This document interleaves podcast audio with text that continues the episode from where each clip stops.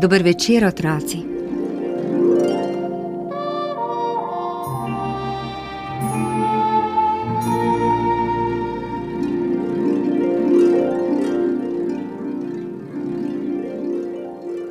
Na dvoru pri kralju je živel čarovnik, ki je imel samo eno napako: ni znal čarati. Na svojo nesrečo ali pa srečo se je čarovnik do všes zatrapal v prelepo kraljično, ki je živela na dvoru. Sledil ji je povsod kot senca, brskal po njenih pismih, po noči vzdihoval pod njenim oknom in toliko, da ni mijavkal od same zaljubljenosti. Kraljični je šel grozno na živce, saj se je hotela poročiti s princem, ne pa s kakšnim bednim čarovnikom, da bi se ga znebila, ga je nekega dne dala poklicati predse. No, dragi čarovnik, je rekla nesrečnemu zaljubljencu, ki je kot polit cucek trepetal pred njenim prestolom. Zdaj boš pa čaral sto na uro, karkoli si bom zaželela, če ne, ti dam odsekati glavo. Ubogi čarovnik se je že videl krajšega za celo glavo. Ves obupan je čakal, kaj si bo izmislila njegova kruta gospodarica. Tiste finte z jajci zna vsak bedak, zato ti tako lahkih nalog ne bom dajala. Hočem, da letiš po zraku, je rekla kraljična in po kratkem premisleku dodala. In začaraj tako, da bom jaz letela zraven, da te bom lahko kontrolirala. Čarovnik si je obupan grizel nohte, potem pa mu je v glavo padla odrešilna ideja. Letenje je taka mojstrovina, da potrebujem za ta podvig dovoljenje čarovniške zveze, ki vas bo stal 3000 dolarjev, je izdavil s trepetajočim glasom. Naj ti bo, je odvrnila kraljična in si mislila. Še več ti jih dam, samo da se te znebim. Tečem na čarovniško zvezo, takoj bom nazaj, je zaklical čarovnik in stekel iz sobe, kar so ga nesle noge. Nikar tako ne hiti tepec, tako ali tako boš ob glavo, je zaklicala za njim kraljična, ki je čarovnikov od zaljubljenosti zardeli obraz postal že kar malo všeč. Čarovnik je kot podivjan tekel proti letališču. Dajte mi karto in to nepovratno za Ameriko, je zasopihan dejal prijazni gospodični, ki je na letališču prodajala letalske vozovnice. Petsto dolarjev je zahtevala gospodična in mu z ljubko pisavo izpolnila vozovnico. Čarovnik bedak nad bedaki se je spet spomnil svoje prekrasne kraljične. Ne morem brez nje, pa tudi če bom zato hodil po svetu brez glave, je rekel na glas, da ga je gospodična začudeno pogledala. Popravljam, dajte mi dve karti, povratni za Ameriko. Gospodična je skomignila z rameni. To potem znese dva tisoč dolarjev. Pa srečno vožnjo. Čarovnik jo je s kartami mahnil nazaj proti gradu. Letiva lahko točno ob treh in to do Amerike in nazaj. Poglejte, kraljična, tu imam dovoljenje čarovniške zveze zame in za vas je takoj, ko je prispel, poročal kraljični in od zaljubljenosti se mu je kar malo vrtelo. Polet se lahko izvede samo na posebnem kraju, ki ga določa pravilnik čarovniške zveze. Počasi se lahko odpraviva, da prispeva pravi čas na tisto mesto, če ne, s poletom ne bo nič. Sej ne gori voda, je rekla kraljična in se pričela tako počasi preoblačiti in lišpati v svojih sobanah, da je čarovniku postalo slabo čakanja. Ker pa jo je le zanimalo, kako bo čarovnik izvedel polet, je končala svoje afnarije še v pravem času, da sta s čarovnikom zadnjo minuto prispela na letališče. Tecite za mano in nič ne sprašujte, je vas upehan govoril čarovnik in vlekel kraljično proti letalu. Letela bova na višini deset tisoč metrov, boste videli. Komaj sta se dobro namestila, se je letalo dvignilo v zrak. No, kaj sem vam rekel, se je visoko nad oblaki napihoval čarovnik, kraljična pa si je mislila. Lisjak nemarni, poceni si se izmazal. Tale izlet v Ameriko sploh ni bil tako slab, je ugotovila, ko so spet pristali na domačem letališču. Aj ti bo čarovnik. Tokrat lahko obdržiš glavo, ampak naslednjič. Raje ni nadaljevala, saj je opazila, da je čisto vseeno, kaj mu govori. Čarovnik je zaljubljeno bolščal vanjo in sami srčki so mu plavali iz oči kot milni mehurčki.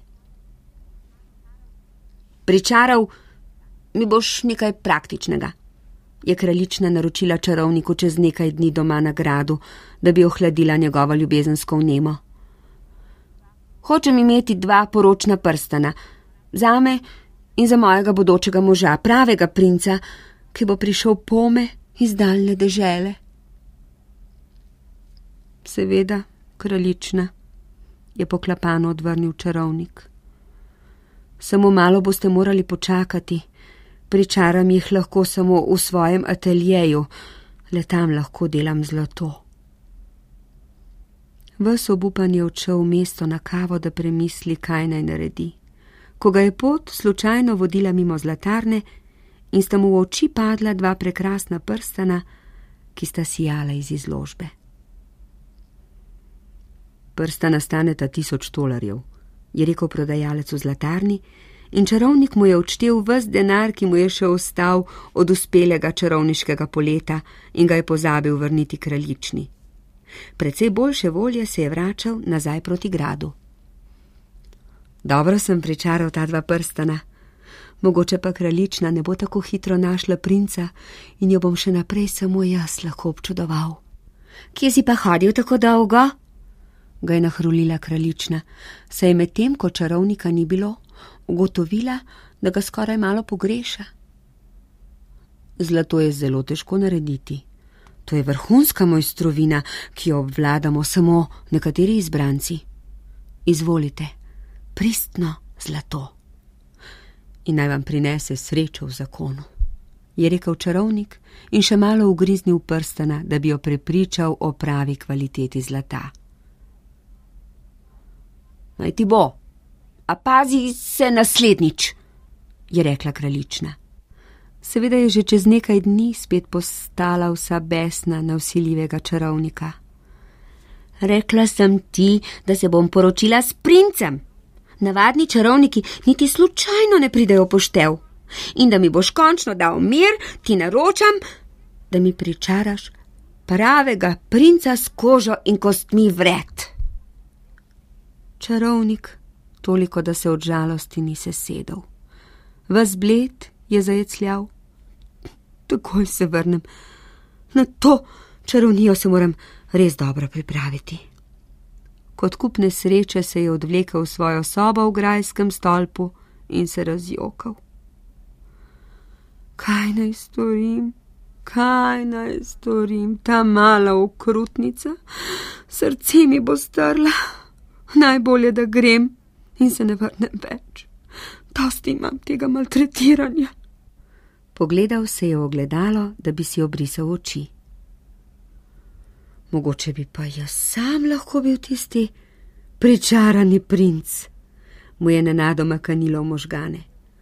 Kraljevske obleke ležijo povsod naokoli po gradu, in če si nataknem še kakšno majhno bradico iz kozjega repa, me živ krst ne bo spoznal. Čez pol ure je že ves načičkan stal pred kraljičinimi vrati. Princ Abrakadabrje prosi za sprejem pri presvetli kraljični. Kraljična toliko, da se ni zvrnila z prestola, ko ga je zagledala. Ta čarovnik je pa res odhodiča, je pomislila. Pravega princa mi je pričaral. Zdaj se lahko poročim in zavedno bom rešena osvajanja tega tečnega čarovnika. Ta zaljubljeni tepček sicer sploh ni slab, a nažalost ni plemenitega porekla. In tale princ tukaj mu je celo zelo podoben.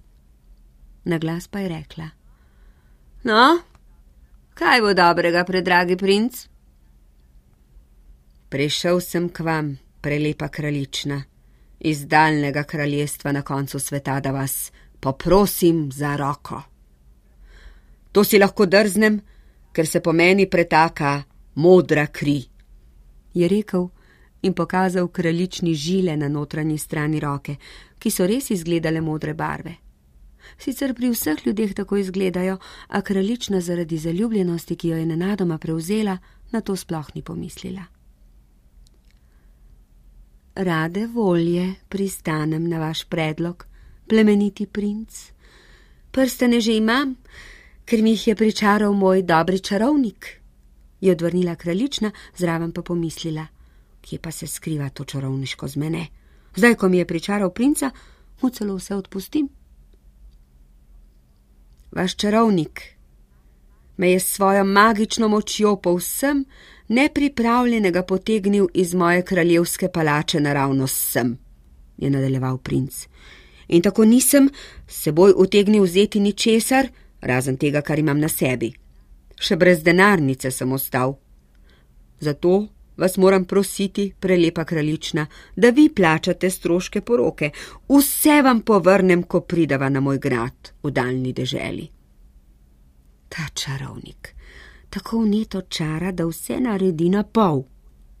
Bolje, da ga zdaj le ne vidim. Se je jezila kraljična sama pri sebi, na glas pa je rekla: Seveda, to se razume samo po sebi. Moj dobri očka, njegova veličanstvo bo vse plačal. Poroka je bila res veličastna. Tako lepega para ljudje že dolgo niso videli. In kako zaljubljeno sta se gledala. Vsi so se kar malo nalezli zaljubljenosti od njiju in so se veselili in praznovali tri dni in noči. Nekaj dni po poroki se je kraljična razburila. Kje je čarovnik? Hočem, da mi pričara ljubkega majhnega otroka. Vse kraljične dobijo otroke, potem ko se poročijo. Takoj hočem svojega čarovnika. Pomiri se, draga. Zato ne potrebujeva čarovnika, je rekel novopečeni princ.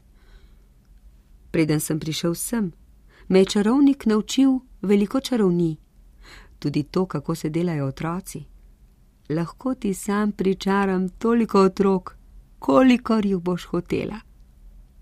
In res, pričaral ji je toliko otrok, da je pozabila na vse drugo celo na to, da ima princ tam na drugem koncu sveta svoje kraljestvo in pozabljeno denarnico. Le kam se je vdrl ta preklicani čarovnik?